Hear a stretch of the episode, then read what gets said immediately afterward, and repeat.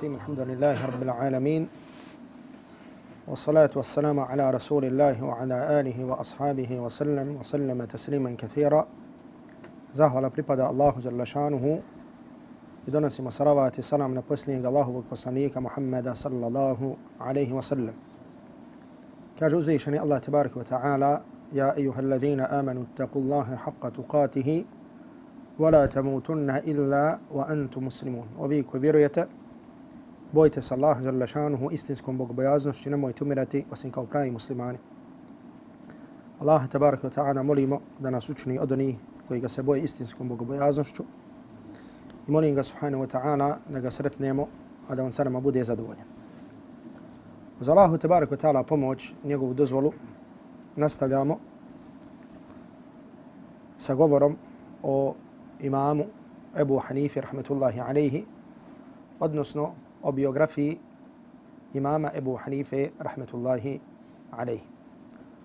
U prošlom predavanju spomenuli smo nekoliko bitnih razloga zašto smo odabrali da baš govorimo o imamu Ebu Hanife, rahmetullahi alaihi, te spomenuli neke osnovne biografske podatke.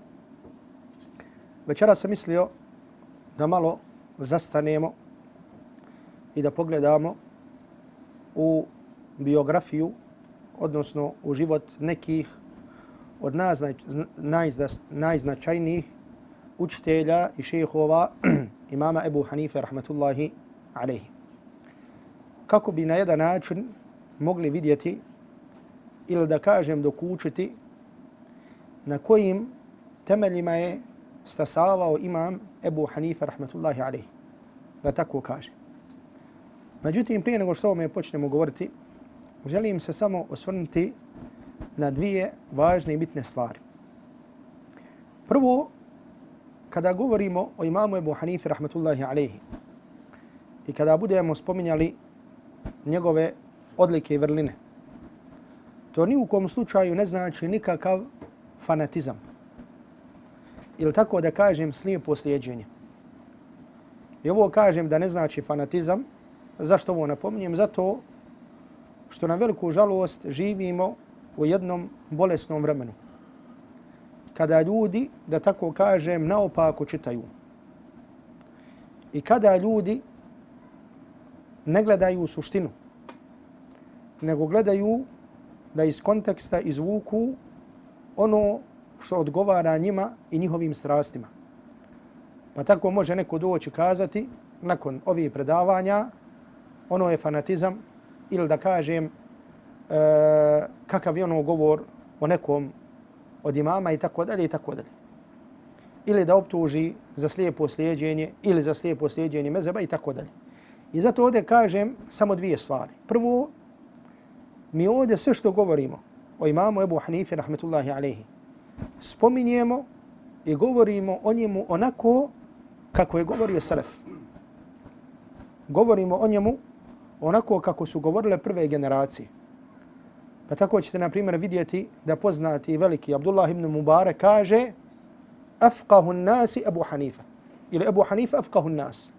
Abu Hanifa je najveći pravnik. Abu Hanifa je najbolji poznavao svika. Ili, na primjer, kad imam Šafija kaže an nasu fil fiqhi ajalun ala Abi Hanifa. Ljudi su u fikhu u potrebi za Ebu Hanifom. Ili neobhodan im je Ebu Hanif. Ovo je govor koga? Ovo je govor imama Šafije. I ovo je govor Abdullah ibn Mubaraka. Jesu li oni pretjerivali? Jesu li oni pri sebi imali fanatizma? I tako dalje.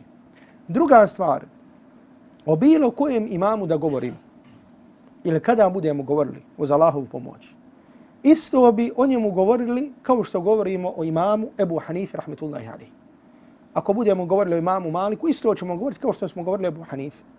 Ako budemo govorili o Šafi, isto ćemo ovako govoriti. Ako budemo govorili o imamu Ahmedu, na isti način ćemo govoriti. I zato znači napominjem dvije stvari. Prvo da govorimo onako kako je govorio Selef. I druga stvar, da bi na isti način i ovako govorili, da govorimo ili da držimo predavanje ili da pričamo o biografiji nekog, drugi, nekog drugog od imama neki, kad su pitanju učitelji imama Ebu Hanife, rahmetullahi alihi, neki historičari spominju da je Ebu Hanife, rahmetullahi alihi, imao preko 4000 šejhova. Preko 4000 šejhova ili učitelja. Ovdje želim da se osvrnem samo kratko. Može nekome od vas ovo biti čudno. Je ovo da kažemo da je ovo neko blago pretjerivanje? Da kažemo da ima upola toliko. Međutim, naćete isto tako u biografijama drugih učenjaka iz generacije Selefa da se kaže učio je pred hiljadu šejhova, pred dvije hiljade šejhova. Imao je tri hiljade šejhova. Šta to znači? Znači, kada se kaže šejh ili učitelj, znači to podrazumijeva sa jedne strane nekoga pred kojim si dugo učio. Kao što je Abu Hanife skoro 20 godina učio pred Hamad ibn Abi Sulejmanom. Međutim, isto tako šejh može podrazumijevati osoba od koga se prenio u tom vremenu pa makar jedan hadis. Ili koga se sreo pa makar jedan put.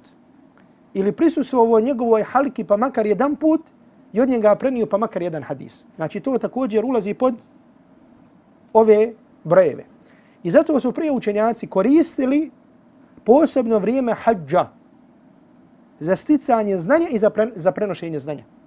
Znači kada bi došli u Mekku, Znači, sastali bi se učenjaci, učenjaci bi imali halke.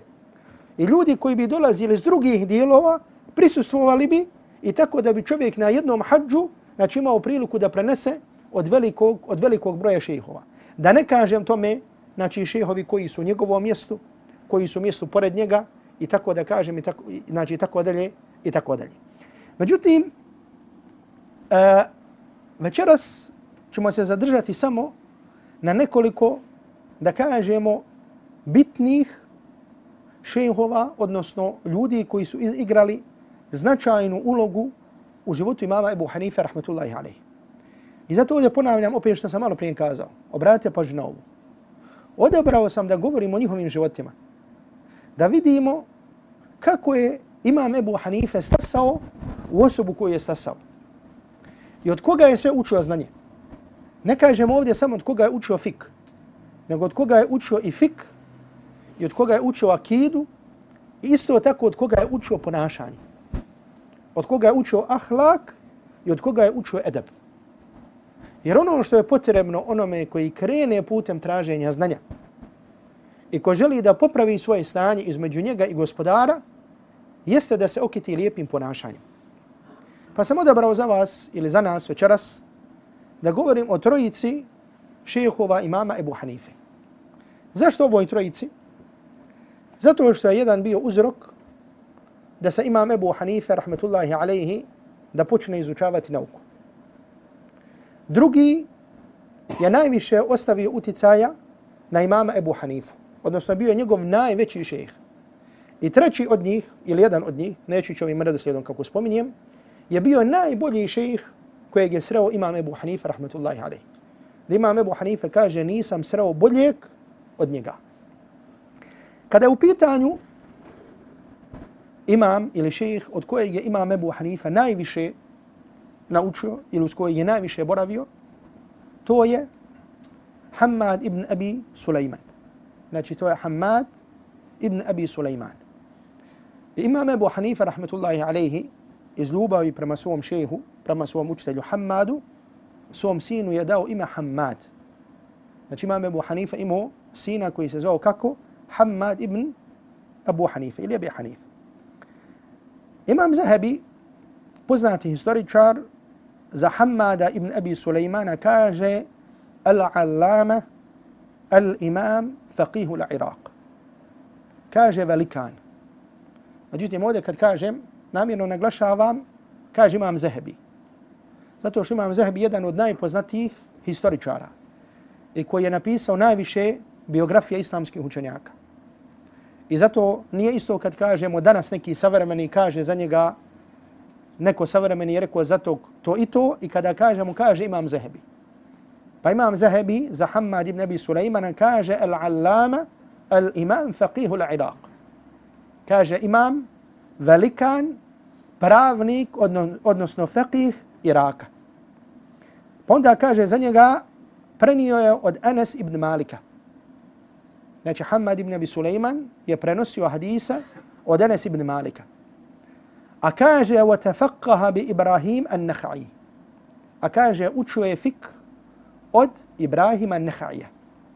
Znači, Ibrahim Nehai je veliki i poznati pravnik Kufe. I zato ćete vidjeti kasnije, Imam Zahabi će spomenuti, da je najučeniji od ashaba u Kufi bio Alija radijallahu ta'ala anhu i Abdullah ibn Mas'ud. A najbolji učenik Alije i Abdullah ibn Mas'uda je bio Alkame. A najbolji učenik Alkame ili najučeniji koji je uzeo od Alkame je bio Ibrahim ibn Nahaj. Hamad je učio od Ibrahima Nahaja. I Imam Zahabi kaže wa huwa ambalu ashabihi wa afqahuhum. I on je bio njegov najinteligentniji učenik i najbolji od svih njegovih učenika poznavao fik. I prenosi se da Ibn Ujajin govorio, prenosi od Ma'mara, da je govorio nisam vidio da iko bolje poznaje fik od trojice. Od Zuhrija, od Hammada i od Qatade. Od Zuhrija, od Hammada i od Qatade. I onda poslije toga je Imam Zahabi spomenuo neke od njegovih osobina. Pa kaže i spominje da je darežljivost bila velika osobina i vrlina Hammad ibn Abi Sulejmana. I zato kasnije kada budemo govorili Ebu Hanifi, vidjet ćete kod imama Ebu Hanife osobinu darežljivosti. A ona se ogleda kroz to tako što je izdržavao veliki broj svojih učenika. Imam Ebu Hanife je bio trgovac i bio je bogat. I bila mu je osobina da izdržaje svoje učenike. Znači, da kažemo na neki način da im daje stipendiju. I ako bi vidio nekog od njih, kao što će doći, da ga sprečava od učenja znanja, da ga rad sprečava od učenja znanja zato što je morao da radi kod svog oca, on bi mu rekao dođi i ja ću ti dati kolika je tvoja dnevnica ili koliko u osnovi treba da zaradiš, koliko se upotrebi. Ali dođi da kod mene učiš, da kod mene učiš fik. I tako izdržavao Ebu Jusufa, tako izdržavao veliki broj sve učenika, imam Ebu Hanifa, rahmatullahi alaihi, nije uzimao od njih, nego je njima udjeljivao. Hamad ibn Abi Sulejman je bio veoma darežljiv čovjek. Pa spominje imam Zahebi da bi znao u jednom Ramazanu odjednom da nahrani po pet stotina postača. Znači da nahrani, da dadne da se nahrani pet stotina postača. A kaže kada bi došao Bajram, svima njima bi dao po stotinu dirhema. Svima njima bi dao po stotinu dirhema. To je bila velika, velika svota. Pa tako spominje, tako na primjer Davud Tai, veliki pobožnjak iz Kufe, kaže, kaže Hamad ibn Abi Sulejman je bio daražljiv, to jeste mnogo je nahranjivao, znao je nahraniti siromahe i dijelio je dinare i dirheme. To jeste davo isto tako, isto tako svote novca. Pa se tako prenosi od jednog od selefa da je govorio, kaže, bio sam bolestan pa bi mi došao Hamad ibn Abi Sulejman da me posjeti i kaže kod mene bi boravio. I kaže samo kada bi usto i kada bi htio da ide, rekao bi mi pogledaj ispod jastuka sam ti ostavio nešto, pa nek ti to bude od koristi. فَمُرْهُمْ يَنْتَفِعُونَ بِهِ bihi. I kaže kad bi pogledao, našao bi kaže veliku svotu, našao bi veliku svotu, našao bi veliku svotu dirhema. Našao bi veliku svotu dirhema. I zato, znači ta osobina sigurno da je ostavila uticaj na imama Ebu Hanifu rahmetullahi alaihi. Kao što sam već kazao, imam Zahebi je na kraju njegove biografije naveo i spomenuo jednu veoma važnu bitnu stvar. A to je da se zna koji je učenjak kod koga učio. Pa kaže imam Zahebi, najučeniji u Kufi, znači inače govorili smo da je Kufa bila, da je veliki broj ashaba došao u Kufi, to vam je poznato sigurno svima. Međutim, najučeniji ashabi najučeniji iz reda ashaba koji su bili u Kufi je bio ko? Hazreti Alija i Abdullah ibn Mas'ud, radijallahu ta'la anhu. A najbolji njihov učenik je bio ko? Alkame. Najbolji učenik Alkame je bio Ibrahim i Nahai. A najbolji učenik Ibrahima Nahaija je bio Hamad ibn Abi Sulejman. da kaže Zahabi, a najbolji učenik Hamad ibn, ibn Abi Sulejmana je bio ko? Je bio Ebu Hanife. A kaže najbolji učenik Ebu Hanife je bio ko? Ebu Jusuf. A najbolji učenik Ebu Jusufa je bio ko? Muhammed ibn Hasan Šejbani. Znači on ujedno bio i učenik imama Ebu Hanife. Međutim, zato je ko Ebu Hanifu negdje oko dvije godine samo. Ostatak vremena je proveo uz Ebu Jusufa. A najveći učenik Ebu Jusufa je bio Muhammed ibn Hasan Šejbani. A najveći učenik Muhammed ibn Hasan Šejbani je bio ko? Imam Šafija. Najveći učenik Muhammed ibn Hasan Šejbani je bio Imam Šafija, rahmetullahi, rahmetullahi alaihi. Zatim drugi, možete li ovo dignuti malo? Zatim drugi, šejh imama Ebu Hanife, rahmetullahi alaihi, i to je imam ili učenjan za kojeg Ebu Hanife kaže da nije sreo boljeg od njega. Je bio ko? Znam li ko? Je bio Ata. Ata ibn Abi Rabah. Ata ibn Abi Rabah, poznati tabi'in, je bio jedan od učeni, od učenjaka, od šehova imama Ebu Hanife, rahmetullahi alaihi. Imam Zahabi za njega kaže imam. Kaže šejhul islam. Šejh islama. Kaže wa mufti haram. I kaže muftija harama. Imam Ata ibn Abi Rabah je bio odakle? Je bio iz Mekke. Jebu Hanife, rahmetullahi alaihi, je od njega naučio znanje i sticao bi znanje kada bi išao na hađ. A imam Ebu Hanife mnogo puta otišao na hađ. I tada bi između ostalog učio od Ata ibn Abi Rabaha. Ata ibn Abi Rabah spada, tako da kažemo, u velike tabiine. Znači, velike tabiine koji su zatekli ashabe. I rođeni u vremenu hilafeta Osmana, radijallahu ta'ala anhu. I prenosi hadis od Aiše, od Ummu Salame, od Ummu Hani, od Ebu Hureyre, od Ibn Abbasa, radijallahu ta'ala anhu, od Rafi ibn Khadija, od Zaid ibn, ibn Arqama, i drugi. Znači, svi ovi velike ashaba, Ata ibn Abi Rabah direktno od njih prenosi hadisa Allahovog poslanika sallallahu alaihi wa sallam. Imam Zahabi između ostalog za njega kaže kana min awa'ijati ilm. Imam Zahabi za njega kaže, kaže bio je od posuda znanja. Min awa'ijati ilm, od posuda znanja. Znači, toliko je bilo u njemu znanja, znači isto kao da je bio posuda u kojeg je znanje, šta? U kojeg je znanje usuto. Znači, toliko je bio učen Ata ibn Abi Rabah. I to ćete vidjeti kasnije. Međutim, ono što je bila, tako da kažem, osobina Ata ibn Abi Rabaha jeste da je pri sebi imao nekoliko fizički manjkavosti. Tako da kažem. Znači, prva stvar mu je bilo što je poreklom bio od robova. Znači, ono isto što smo govorili, vezano za imam Ebu Hanifu, rahmetullahi, ali to je jedna stvar. Druga stvar, bio izrazito crn.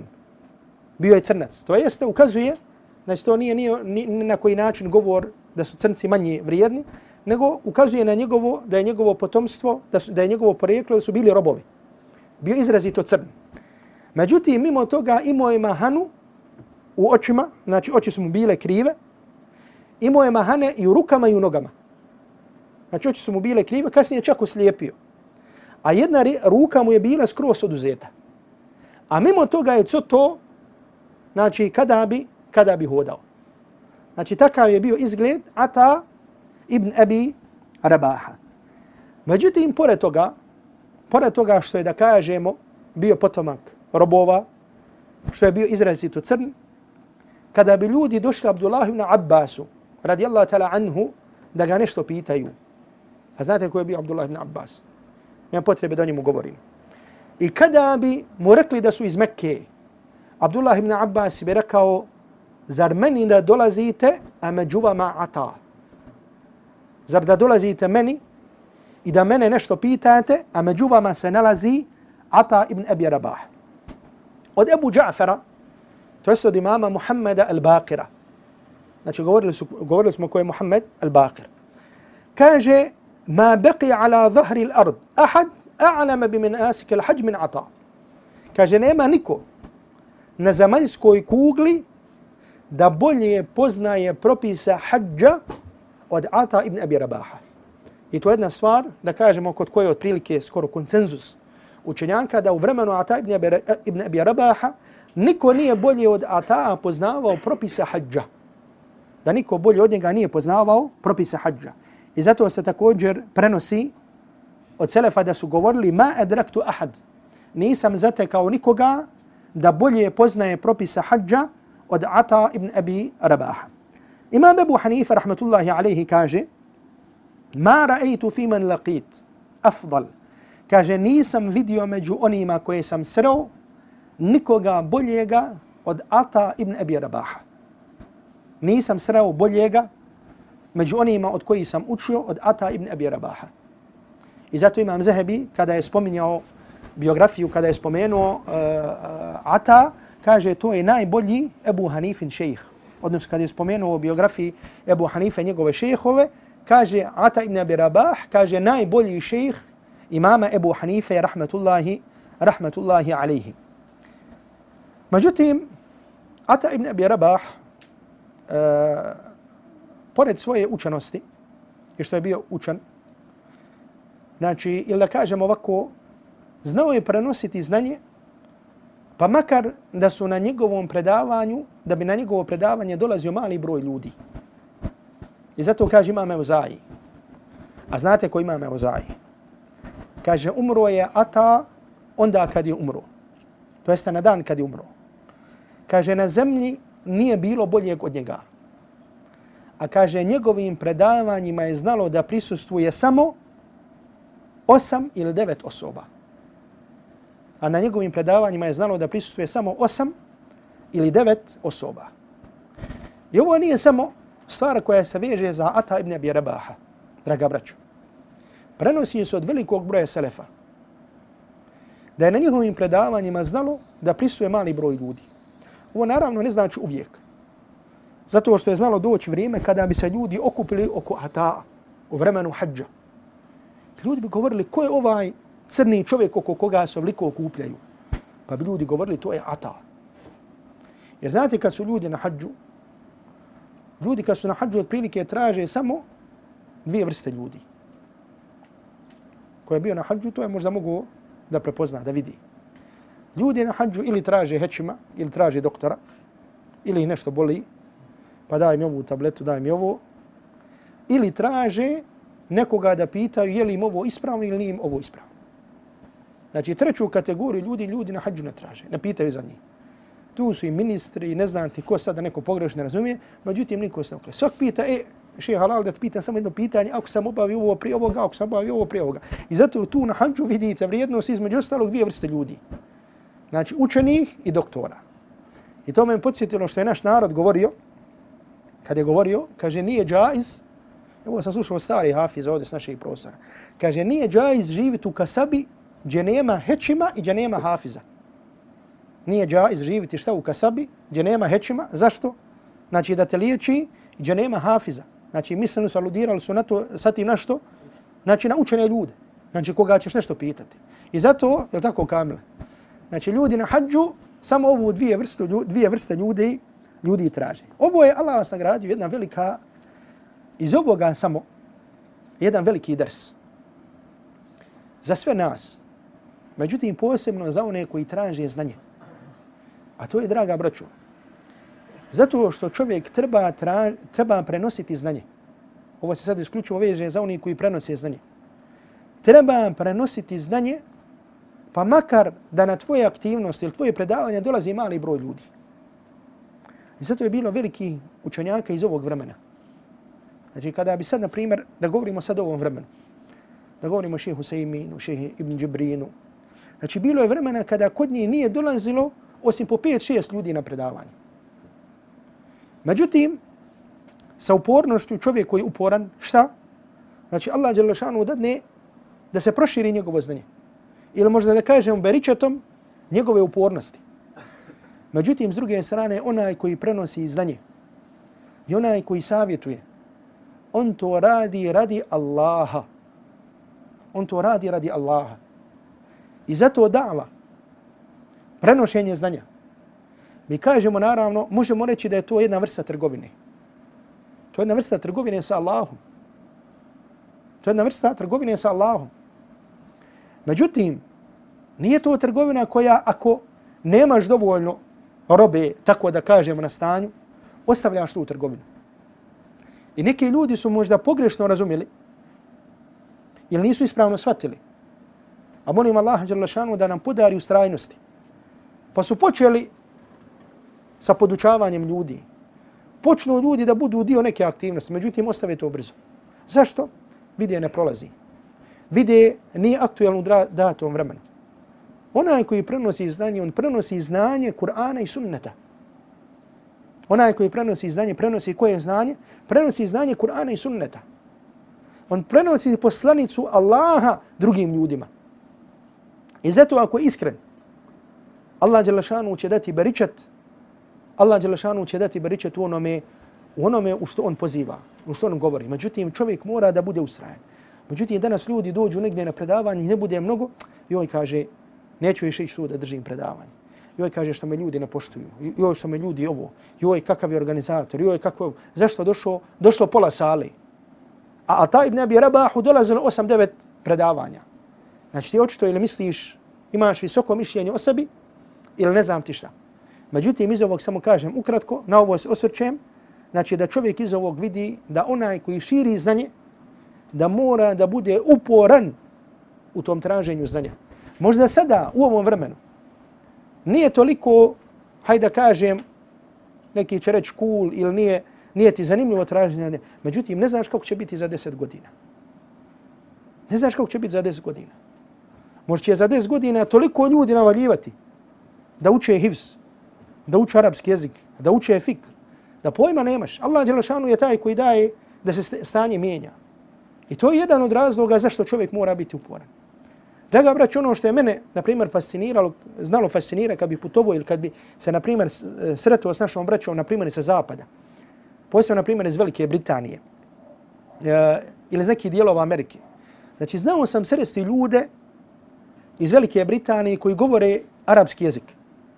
Vjerujte mi, govore arapski jezik kod da su studirali 20 godina u arapskom svijetu. Tako lijepo i dobro i tečno govore arapski jezik. Niđe nisu izašli iz Velike Britanije. Toliko su učili knjiga i iščitali knjiga iz islamskog znanja, iz fika, iz hadisa, nisu nigdje u arapskom svijetu studirali, niti nekim drugim zemljama. Znači sve su učili, sve su učili tamo. Zašto? Zato što ljudi to žele. I zato ko nešto želi, on će do toga doći. Međutim, sigurno da tako ni uvijek stanje bilo tamo. I zato vam kažem, znači danas kod nas ima mašala predavanja, ljudi dolaze. Međutim, na veliku žalost, mi smo još uvijek vezani za ova što mi nazivamo opšta predavanja. Međutim, da, sad, da čovjek pokaziva želju da nauči arapski jezik, da čovjek pokaziva želju da uči hivs, da ne uči teđvid, ne da te neko čara, nego ti hoću da naučim Kur'an kako je objavljen. Toga danas malo nalazimo. Iako možda imaš ispred kućeti, ili u kućeti, ili, ili u mahaliti, ili u graduti. Međutim, danas to malo ima. I zato nadam se da Allah, i molim Allaha tabarik wa ta'ala da popravi naše stanje. Ibn Đurejđ, također govoreći o Ata'u kaže kaže Ata kana al masjid firašu Ata 20 sana. Kaže masjid ili džamija je bila postelja Ata ibn Abi Rabaha 20 godina. Znači 20 godina je spavao i znao da spava u džamiji. Znao da spava u masjidu. Kaže wa kana min ahsani nasi salatom. I kaže najljepše je klanju od ljudi hoće da kaže polako, sporo, skrušeno. Međutim, šta kaže, pogledajte koliko je bio vezan za mesčit. Znači, da ga opisiva Ibn Đurejđ, da kaže 20 godina je spavao u mesčidu. Danas kakva je veza oni koji traže znanje, kakva je veza nas, kakva je veza u leme danas sa mesčidom, da Allah Đalašanu popravi stanje. I zato čovjek kada čita i kada sluša o ovim ljudima, znači nadat se da se popraviti čovjekovo, čovjekovo stanje. Asma'i, kao što navodi Zahabi, prenosi poučan događaj. A to je da je halifa Abdul Malik ibn Marwan došao da obavi hađ. Došao je halifa Abdul Malik ibn Marwan da obavi hađ pa su se oko njega okupili ljudi. Pa mu je došao Ata, odnosno doveli, doveli su mu Ata. Pa je Abdul Malik ibn Marwan usto, sjeo ovog učenjaka gdje mu dolikuje i čak kaže da je sjeo ispred njega. Znači da je sreo, sjeo ispred koga? Ispred Ata ibn Ebi Rebah. Znači što mi je rekli, sjeo mu znači ko na tešahud. Tražeći od njega da ga posavjetuje. Pa mu kaže, ja Eba Muhammed, a njegov nadmak bio, a ta je bio Eba Muhammed. Kaže, Ebu Muhammed hađatuke. Kaže, kakvu imaš potrebu? Znači, čuo sam za tebe da si ata, ja sam amirul mu'minin, ja sam halifa, šta imaš da ti dadnem, šta hoćeš, šta želiš? Znači, pazite, možda se čovjeku nekada pruži jednom u životu prilika da sjedne kod nekog, pogotovo znači u tom vremenu kad su bili halifa, kad su bili ljudi kraljevi, kad su bili, znači i kaže mu šta ćeš. Znači štelu, funkciju, da ti dam, da ti poklonim, da ti ovo, znali su znači tada, ono što je bio običaj da bi tada halife znali da daruju ljude. Znači da i daruju koliko im je, što im je potrebno za života i unučad, i unučad da im žive. Pa kaže, o Ebu Muhammed hađatu, ke šta hoćeš, kakva ti je potreba? Pa kaže Ata, ja emir al-mu'minin, Ovo je pravovjerni. Ittaqi Allaha fi harami Allahi wa harami Rasuli. Kaže o vođo pravovjerni, boj se Allaha u Allahovom haramu i u poslanikovom sallallahu alaihi wa sallam haramu. To jeste sada su u Mekki u haramu. Boj se Allaha u haramu i po pitanju harama. Kaže fata'ahadhu bil imara. I kaže vodi računa da izdržavaš ovaj haram znači da ga gradiš, da izdržavaš njegovu građevinu, vodi računa po pitanju toga. Kaže, وَتَّقِ اللَّهَ فِي أَوْلَادِ الْمُهَاجِرِينَ وَالْأَنصَارِ I kaže, boj se Allaha po pitanju djece muhađira i ansarija. Znači, boj se Allaha po pitanju koga? Djece ashaba. Vodi računa o njima. Jer kaže fa innaka bihim jalasta hadal al-majlis. Jer ti kaže na ovom mjestu sjediš radi njih. To jeste šta sjediš na ovom mjestu radi njih? Znači da ni ashaba, muhađira i ansarija, znači ko je prenio vjeru poslanika sallallahu alaihi sallam? Ko je prenio Allahom vjeru? Muhađiri i ansarije. Znači ko nam je donio ovu vjeru? Ko nam je prenio ovu vjeru? Muhađiri i ansarije. Boji se Allaha po pitanju ove djece. Po njihove djece. Jer da nije njihove djece, kaže ti sada ne bi, ne bi sjedio ovdje, boj zna gdje bi bio. Kaže, vattaqilla fehli thugur. I kaže, boj se Allaha po pitanju muđahida, boraca koji su na granicama islamskog svijeta. Fa innahum hisnul muslimin. Jer kaže, oni su štit muslimana. Kaže, وتفقد أمور المسلمين فإنك وحدك المسؤول عنهم. I kaže, vodi računa o stvarima muslimana, jer ćeš ti sam biti pitan za njih. To jeste ti kao halifa, sam ćeš biti pitan za njih. Neće drugi umjesto tebe biti pitan. Znači svak će na sudnji dan doći sam i za sebe odgovarati. Ti si halifa, ti si ovo, Allah Đelešanu će tebe pitati za njih, neće pitati drugi. Kaže, وَتَّقِ اللَّهِ فِي مَنَ عَلَى بَابِكِ I boj se Allaha po pitanju oni koji se nalaze na tvojim vratima. To jeste, po pitanju oni koji hoće da dođu do tebe. Kaže, fala tagfal anhum. Nemoj njih zanemarit. Wala tuglik dunahum babak. I kaže, nemoj im zatvarat vrata. Znači, pogledaj, ovo je jedna bitna stvar. Znači, šta ga savjetuje Ata, šta savjetuje tada halifu, da ne uskrati nikome da dođe do njega. Znači, mogu je svak da dođe do halife. A ta ga posebno savjet omogući svakome da dođe do tebe. Danas čovjek postane neki obični, ne znam ti šta, samo neki nešto glavno ili direktor ili ne znam šta, ama zaman da dođeš do njega. Te se najavi, te se ovo, te se ovo, te se ovo. A sve nešto, kad treba, islam muslimani, Allahu ekber, džamija i tako dalje. Znači, ko živi radi Allaha, radi Islama, znači živi u svakom trenutku. I u svakom trenutku svog života se poziva na Allaha i na poslanika. Ne samo kada ljudima treba vjera, Allah, poslanik, namaz, abdest, zečat, Ramazan i ostale stvari. Onda tada zna. Kad mu ne treba, nema ništa. I zato kažem ti neki, neki miskin, I to jedan, nije da ima do kraja života mandat, nego mandat mu traje, ali možeš lako do njega doći. Pa mu kaže Abdul Malik ibn, ibn, Abdulmelik Abdul Malik ibn Marwan efal. Kaže, to ću učiniti. Pa kaže onda ustao samo Ataju i krenuo da izađe. A šta mu je na početku rekao Abdul Malik? Hađetuke, kako imaš potrebu? A on ga samo posavjetuo. I kad je završio s ovim govorom, Ata sam ustao i krenuo da ide. Pa kaže, Mervan, stani, stani, ostani. Kaže, pitao sam te na početku, čin ono što sam posavjetuo, ali hađetuke, šta je tvoja potreba? Pa kaže Ata ibn Abi, ibn Abi Rabah, mali ila mahluqin hađa. Kaže, ja kod stvorenja nemam nikakvu potrebu. Znači, da nešto pitam stvorenje za nešto, ja nemam nikakve potrebe, niti mi išta treba da pitam od stvorenja.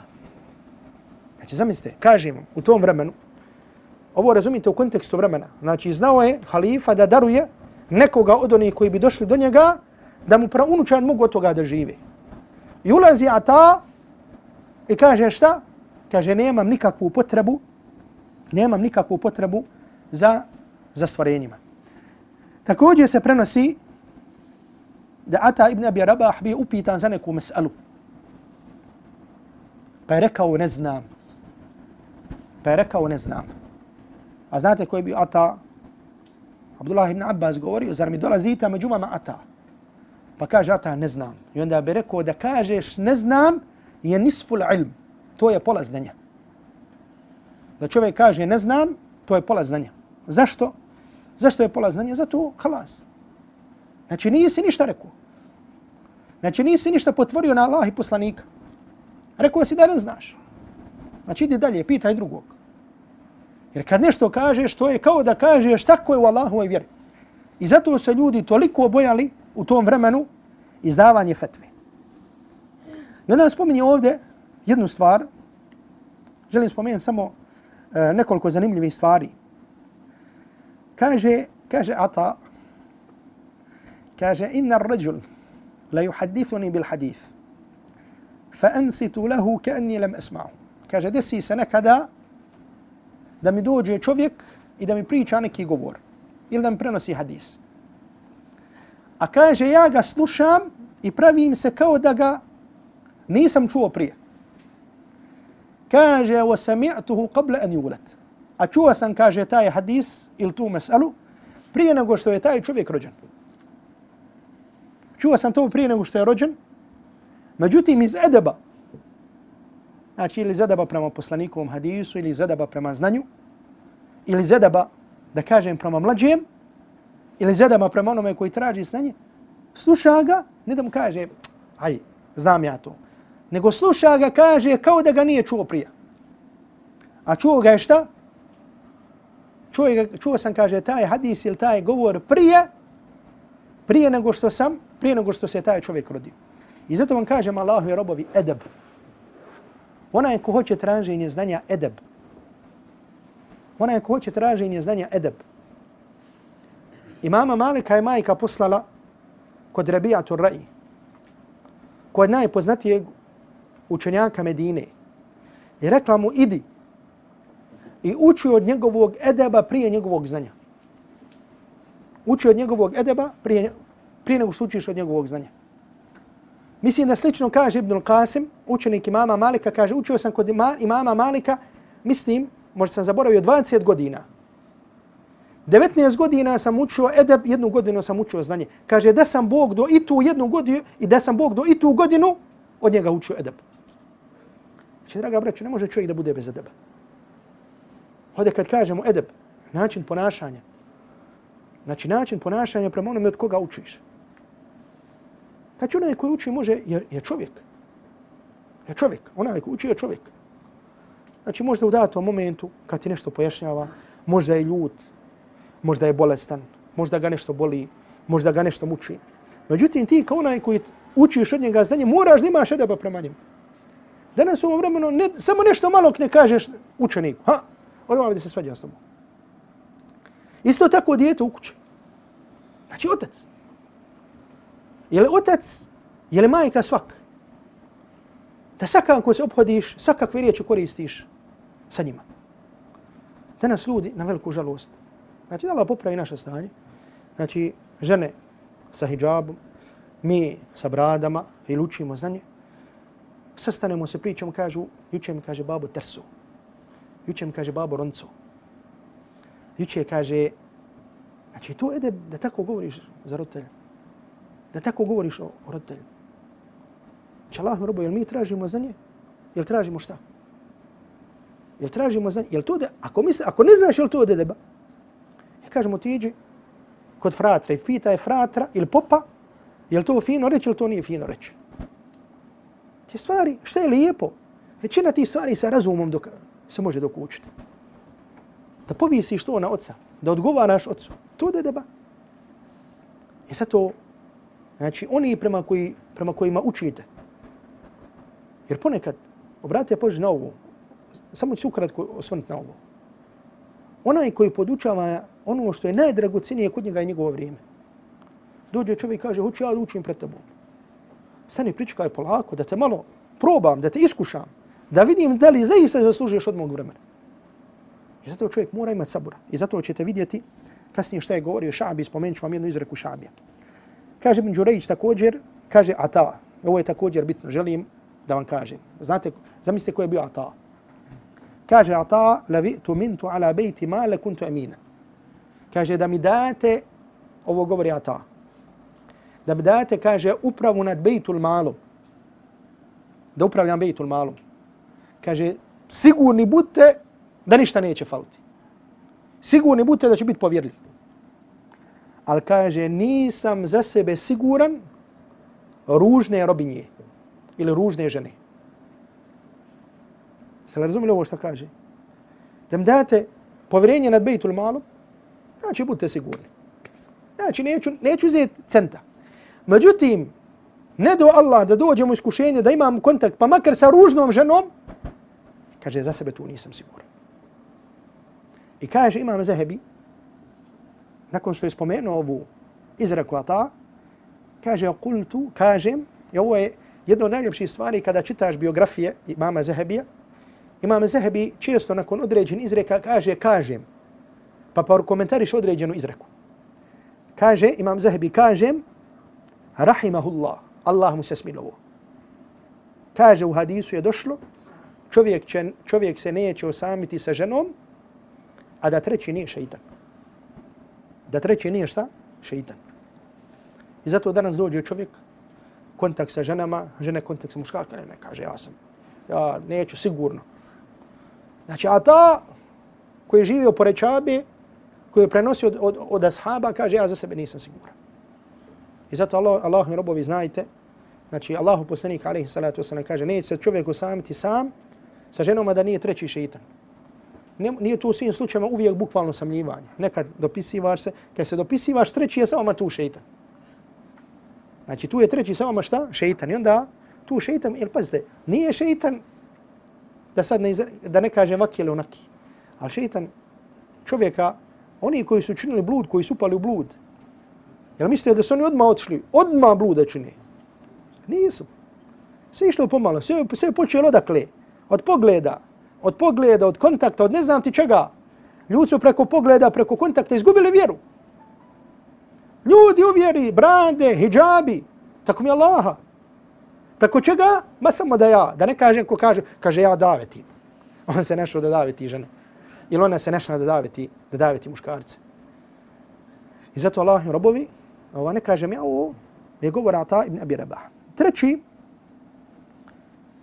treći ših imama Ebu Hanife, tačnije koji je bio sebeb da imam Ebu Hanife počne tražiti znanje, je bio kaže imam Zahebi za njega alametul asr, velikan svog vremena. Znači, ne ima ne velikan svog mjesta, nego velikan svog vremena. Kaže, to je Amir ibn Shurahbil al-Sha'bi. Amir ibn Shurahbil al-Sha'bi. I o njemu smo govorili prošli put, znači da on bio šta? Znači, sebeb da Ebu Hanife počne tražiti znanje. Rođen u vremenu Omara ibn Khattaba radijallahu ta'ala anhu. I kaže imam Zahebi vidio je Aliju radijallahu ta'ala anhu i klanio je iza njega. I kaže prenosio je hadise od velikog broja ashaba Allahovog poslanika sallallahu alaihi wa sallam. I Ša'bi kaže, kaže, zatekao sam 500 ashaba Allahovog poslanika sallallahu alaihi wa sallam. Zatekao sam 500 ashaba Allahovog poslanika sallallahu alaihi wa sallam. I kaže Ibn Ujejne, kaže ulama u nasi thalatha. Kaže, ljudi imaju trojicu alima. Ili trojica alima su najpopularniji ili najveći među ljudima. Kaže Ibn Abbas u svom vremenu. Ša'bi u svom vremenu i imam Thawri u svom vremenu. Imam Ša'bi govoreći o sebi, kaže ma mate dhu karabetin li wa alejhi dejn illa wa kadajtu anhu. Kaže nikada niko od moje rodbine nije umro, a da je bio zadužen, a da za njega nisam, a da za njega nisam isplatio, da za njega nisam isplatio dug. Ibn Sirin je jedne prilike rekao, to je Muhammed ibn Sirin, znači poznati tabin koji je bio poznat po čemu? Po tumačenju snova. Je rekao jednim od prisutnih, kaže, ilzami ša'bi, kaže, drži, drži se ša'bija. Fela kad ra'ejtuhu yustafta, kaže, vidio sam kako ljudi od njega traže fetve, wa ashabu rasulillah sallallahu alaihi wa sallam tawafirun. Kaže, kako od njega ljudi traže fetve, a ashabi Allahovog poslanika sallallahu alaihi wa sallam se nalaze oko njega. Znači, pored ashaba, ljudi su tražili fetve od imama Ša'bija. Imam Ša'bija jedne prilike upitan odakle ti svo to znanje. Znači, kako si sakupio to znanje? Pa kaže imam Ša'bi, kaže bi, nef, bi nefil igtimam. Kaže, tako što se nisam žalostio. Tako što se nisam žalostio. Kaže, i što sam imao sabur ko sabur magarca. I što sam imao sabur ko sabur magarca. Znači, za magare kažu šta? Da može da može da sabura. E kaže, taki sam imao sabur. Znači, tako sam imao strpljivost na polju traženja znanja. Kaže i po ranom ustanjanju, ustajanju poput gavrana. Znači, za gavrana kažu da ran ustaje. E kaže, tako imam šabi, znači imao sam sabur ko magare i rano sam ustajao ko gavran. Ranio sam ko gavran. I zato, draga braćo, po Bog znam koji put skrećemo pažnju na bitno sabura. Znači, čovjek je čovjek. Kakav god da je on, čovjek je čovjek, insan, nije melek. I onoga koji krene da traži znanje, znači zade se razne, tako da kažem, iskušenja. Ili manjak i metka, ili da kažemo žalosti se, na primjer što se zna desiti zato što je na putu, pogotovo kada čovjek putuje, u stvari imam šabi je rekao, nisam, zaboravio sam, kaže nisam se žalostio, kaže u fil biladi, putovo sam po mjestima. A ta žalost posebno se dešava kada čovjek putuje, kada ode, zato što je putovanje gurbetluk. Onda čovjeku dođe porodica, da mi se vrat svojim žena, djeca. Međutim, ko tu presabura, imaće velikog dobra. I mnoge te stvari zadesi čovjek. Međutim, onaj ko pa ljenost ufati čovjeka, pa ljubav za dunjalukom, pa kaže kako ću ja živiti od ovog znanja. Pogledaj kako ljudi zarađuju, ljudi zarađuju ovo, ljudi zarađuju ovo. Međutim, ko bude imao ustrajnost i sabur na polju traženja znanja, Allah će ga uzdignuti. Kakvo god da je porijekla, braću, odakle god da dolazi, Allah je uzdigao ne Arape nad Arapima radi njihovog traženja znanja. I zato nema stvar koja uzdiže čovjeka kao što je znanje. I zatim također kaže imam Ša'bi, kaže, pogledajte samo, spomenuću, kaže, ne prenosim, kaže, ništa manje kao što prenosim poeziju. Najmanje što prenosim, prenosim šta? Poeziju. To jeste nisam se puno posvetio poeziji. A bio bi čara pa da, da učujem poeziju na pamet. Ali kažete, ako hoćete, mogu bi vam citirati stihove mjesec dana da ne ponovim nijedan stih. Mogu bi vam citirati stihove mjesec dana da ne ponovim nijedan stih. A to je najmanje što prenosim. E zamislite koliko je bilo njegovo prenošenje hadisa Allahovog poslanika sallallahu alaihi wa sallam. I onda kaže Ibn Sirin, kaže, došao sam u Kufu, a kaže, Ša'bi je imao veliku halku. Ša'bi je imao veliku halku. A kaže, ashabi su bili prisutni. I kaže Ša'bi, dvije zanimljive izreke za kraj biografije ovoga učenjaka. Imam Šabi je govorio inna lesna bil fukaha. Imam Šabi je govorio mi nismo pravnici. Mi nismo ulema. Nego mi, kaže, samo čujemo hadis i prenesemo ga. A ulema, istinska ulema, istinski pravnici su oni man idha alima amila. Kaže, pravni, prava ulema ili pravi pravnici su oni koji kada nešto nauče, oni potom je rade. Pravo znanje je kada nešto naučiš da potom je šta? Pa da potom je radiš. Ne samo znači da skupljaš informaciju. I onda imam Šabi govorio lejtani lam akun alimtu min zal ilmi še'an.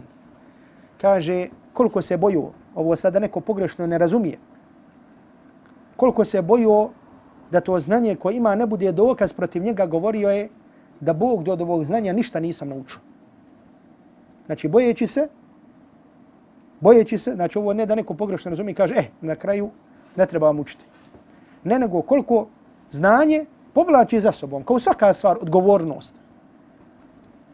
Znači da Bog do ovo znanje nisam učio. onda kaže imam Zahabi, قلت لأنه حجة على العالم kaže zato što je to dokaz protiv učenjaka.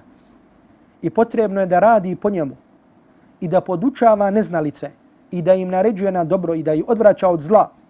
I zato što je to zato što postoji mogućnost da čovjek u znanju neće biti iskren. I da će se sa znanjem hvaliti. I da će sa znanjem raspravljati. Kako bi došao do položaja i kako bi došao kako bi došao do, do dunjaluka.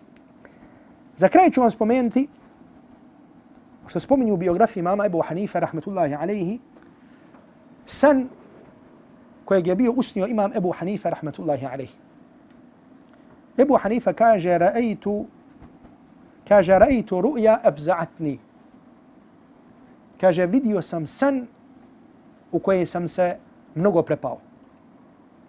Čak kaže, prepuo sam se za sebe da se nisam odmetnuo.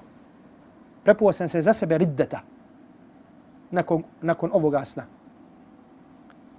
Kaže, vidio sam ka anni anbušu qabran nabije sallallahu alaihi wa sallam. Kaže, vidio sam kao da, is, kao da otkopavam poslanikov sallallahu alaihi wa sallam kabur. Znači da šta? Iskopava i da kupi kosti Allahovog poslanika sallallahu alaihi wa sallam. Znači da otkopava u stvari kabur, ne spominju se kosti. Pa sam se kaže prepao mnogo. Pa sam kaže došao u Basru. A u Basri je bio Muhammed ibn Sirin. Znači koji je bio između ostalog poznat po tumačenju snova.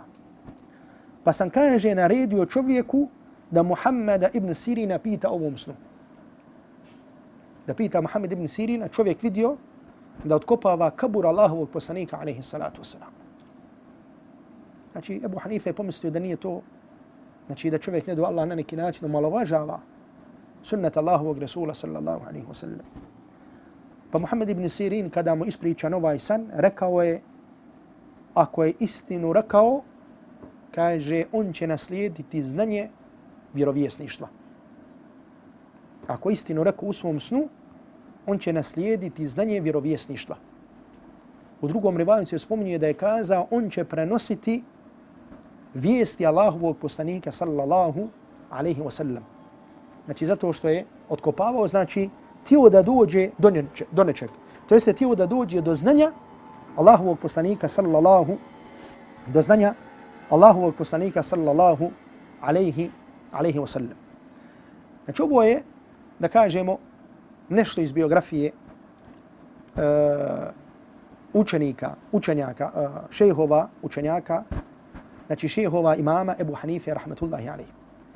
I zato ovdje za kraj želim vam, draga braćo, spomenuti jednu stvar. Nadam se da ovo što smo spomenuli od ovih kazivanja, da smo se koristili, da ćemo se od toga okoristiti. I spominjem, po Bog zna koji put, da imam Ebu Hanife govorio, poznavanje biografije ljudi draže mi od mnogo fikha. Znači da poznajem biografiju, biografije Selefa, bolje mi je nego mnogo fika. Zato što ove stvari utiču na čovjekovo srce. I zato što ove stvari mijenjaju, mijenjaju čovjeka. I zato vam kažem po Bog zna koji put. Braćo, Allah i robovi. Nema korisnije stvari. Nema korisnije stvari. Ako čovjek hoće da promijeni svoj hal, od toga da čita biografije.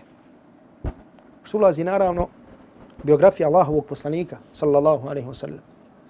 Pa onda biografija poslanika, pa biografija sahaba, pa biografija učenjaka.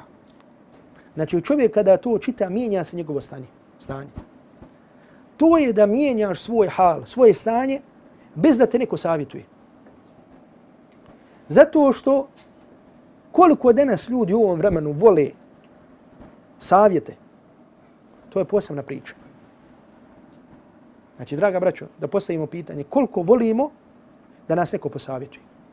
Savjetujemo druge, to volimo, ali da prihvatim, da dobijemo savjet, da tražimo savjet, da razmislimo istinski o savjetu. Koliko je danas toga, Allah najbolje zna. A samo ću vam reći da Allah poslanik alaihi salatu wasalam kazao u dvije kratke riječi. Al hađu arafa. Hađ je arefat. Kazao je šta? Hađ je arefat. Znači koga imaš je arefat na hađu, nema mu hađa. Druge propuste nisi obavio ovo ono nadoknadiš. Međutim, koga maši, može, međutim, koga maši arefat, maši ga hađ. Poslanik u dvije riječi kazao, al hađu Arefa. Hađ arefat.